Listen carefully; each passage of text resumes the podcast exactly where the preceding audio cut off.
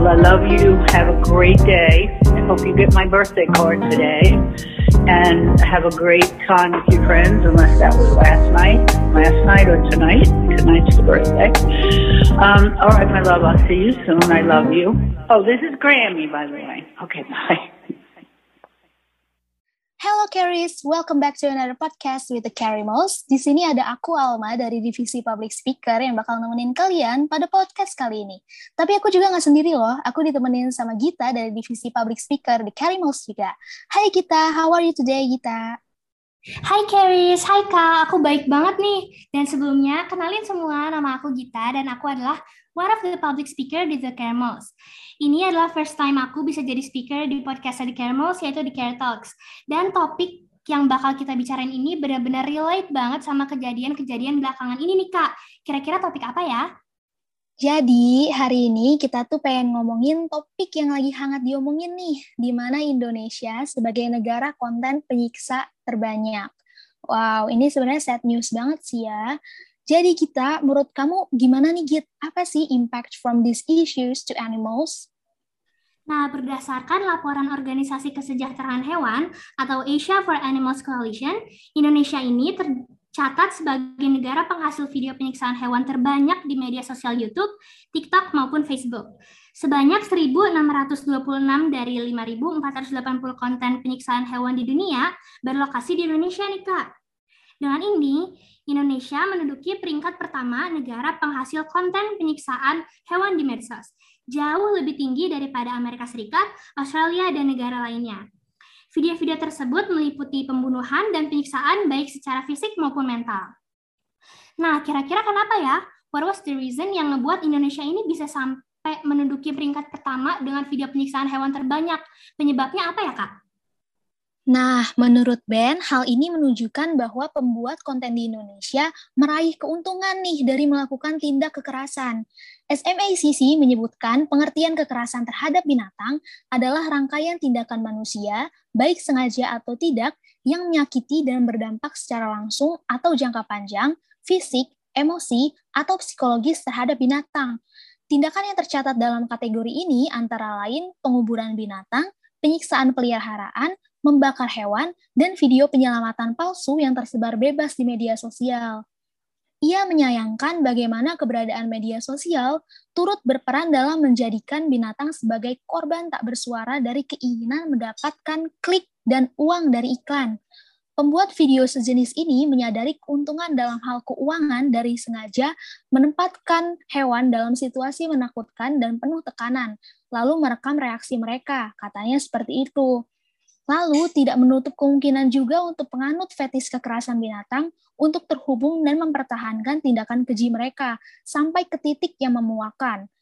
Waduh, berarti ini kejam banget ya, sampai-sampai membuat trauma binatang demi keuntungan oknum-oknum tidak bertanggung jawab.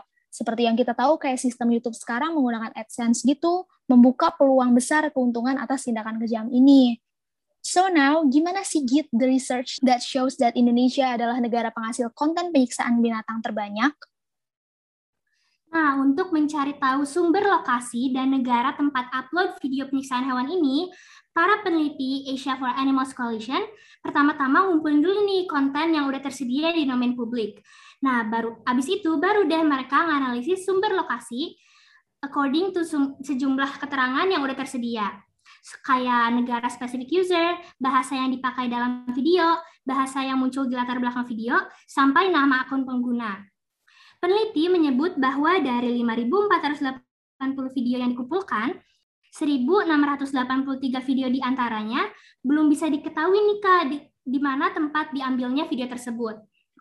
Periset juga menyebut bahwa konten video kekerasan hewan mungkin lebih banyak ketimbang yang udah mereka kumpulin. Hal ini dikarenakan penelusuran tim peneliti hanya berdasarkan video yang udah ada di domain publik aja nih, Kak. Wah, ternyata banyak banget video-video penyiksaan hewan yang disalahgunakan di berbagai macam media. Salah satunya ya di media sosial nih.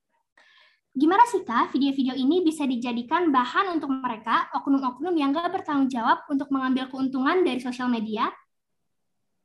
Nah, peneliti mengungkapkan bahwa 5.480 video yang mereka kumpulkan telah ditonton lebih dari 5,3 miliar kali di berbagai platform medsos. Salah satu video penyiksaan hewan bahkan telah ditonton lebih dari 1 miliar kali, sedangkan video yang lain rata-rata disaksikan dari jutaan hingga ribuan kali. Organisasi anggota SMACC Lady Free Thinker memperkirakan bahwa dalam video yang dicatat selama tiga bulan pada tahun 2020, YouTube memperoleh hingga 12 juta dolar Amerika Serikat dari berbagai video pelecehan hewan dengan pembuat konten sendiri menghasilkan hampir 15 juta dolar Amerika Serikat. Begitu, Git. And now, how is this news spreading sih, Git? Kayak, since when is Indonesia being labeled with negara pembuat konten penyiksaan binatang terbanyak? Oke, okay, Badan Kesejahteraan Hewan atau Asia for Animals Coalition menyatakan bahwa Indonesia merupakan negara peringkat pertama dengan konten penyiksaan hewan terbanyak di internet, yaitu sebanyak 1.626 video per 2021 nih Kak. Data tersebut diketahui berdasarkan hasil penelitian yang diterbitkan oleh Asia for Animal Social Media Animal Cruelty Coalition atau SMACC pada Rabu 26 Agustus 2021 lalu. SMACC juga menduga bahwa di YouTube dan Facebook terdapat banyak grup private yang kemungkinan berisi video penyiksaan hewan. Hal ini dibuktikan benar dari tim SMACC yang berhasil menyusup masuk pada tanggal 6 Agustus 2021. Nah, tadi kita udah diskus nih tentang Indonesia menduduki peringkat pertama dengan video-video penyiksaan hewan terbanyak. Kalau menurut aku, topik ini benar-benar harus banget kita sebarluaskan, biar teman-teman di luar sana juga tahu nih tentang topik ini. Dan gak hanya sekedar tahu aja, kita juga sebagai masyarakat Indonesia pastinya harus bisa nge-prevent atau mencegah supaya this case nggak terjadi lagi ke depannya. Nah, hal-hal apa aja sih Kak yang bisa kita lakuin untuk nge-prevent biar kejahatan-kejahatan kayak gini nggak terulang lagi? Nah, iya betul banget. Sebenarnya kita bisa prevent ini mulai dari cara-cara yang paling kecil, seperti yang pertama, menjadi pemilik hewan peliharaan yang bertanggung jawab. Yang kedua, menjadi contoh yang baik sebagai anti kekerasan pada hewan. Yang ketiga, menghentikan aksi pelecehan pada hewan jika kita melihat situasi tersebut. Yang keempat, melaporkan kekejaman atau penelantaran terhadap hewan. Yang kelima, ajak anak-anak untuk terus menghormati hewan. Begitu, Git. Setuju banget, ternyata untuk mencegah kejahatan-kejahatan ini terulang lagi, kita tuh nggak harus melakukan sesuatu yang besar ya. Dengan hal-hal kecil yang tadi Kak Alma udah kasih tahu, itu juga udah sangat bisa membantu hewan-hewan di luar sana untuk mendapatkan perlakuan yang adil dan sewajarnya. Oke, okay, Caris, I think that's it about our discussion tentang topik ini sekarang. Such an opportunity to talk about this case, and it was so great to have a discussion together with you juga, Kak Alma. Me too, Gita. It was such a great time to have this discussion with you, and I hope that in this situation we could put a lot of care to the animals around us, terutama Keris nih yang lagi dengerin podcast ini, so that we could protect them from the person that use them, torture them, just for the sake of money, fame, or fun.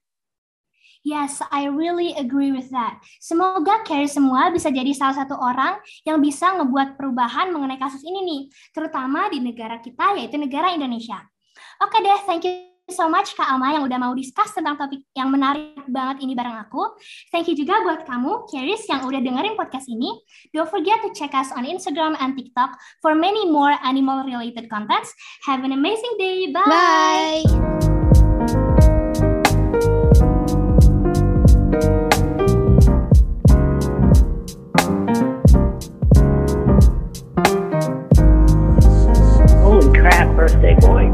20 old. I love you. Have a great day. I hope you get my birthday card today.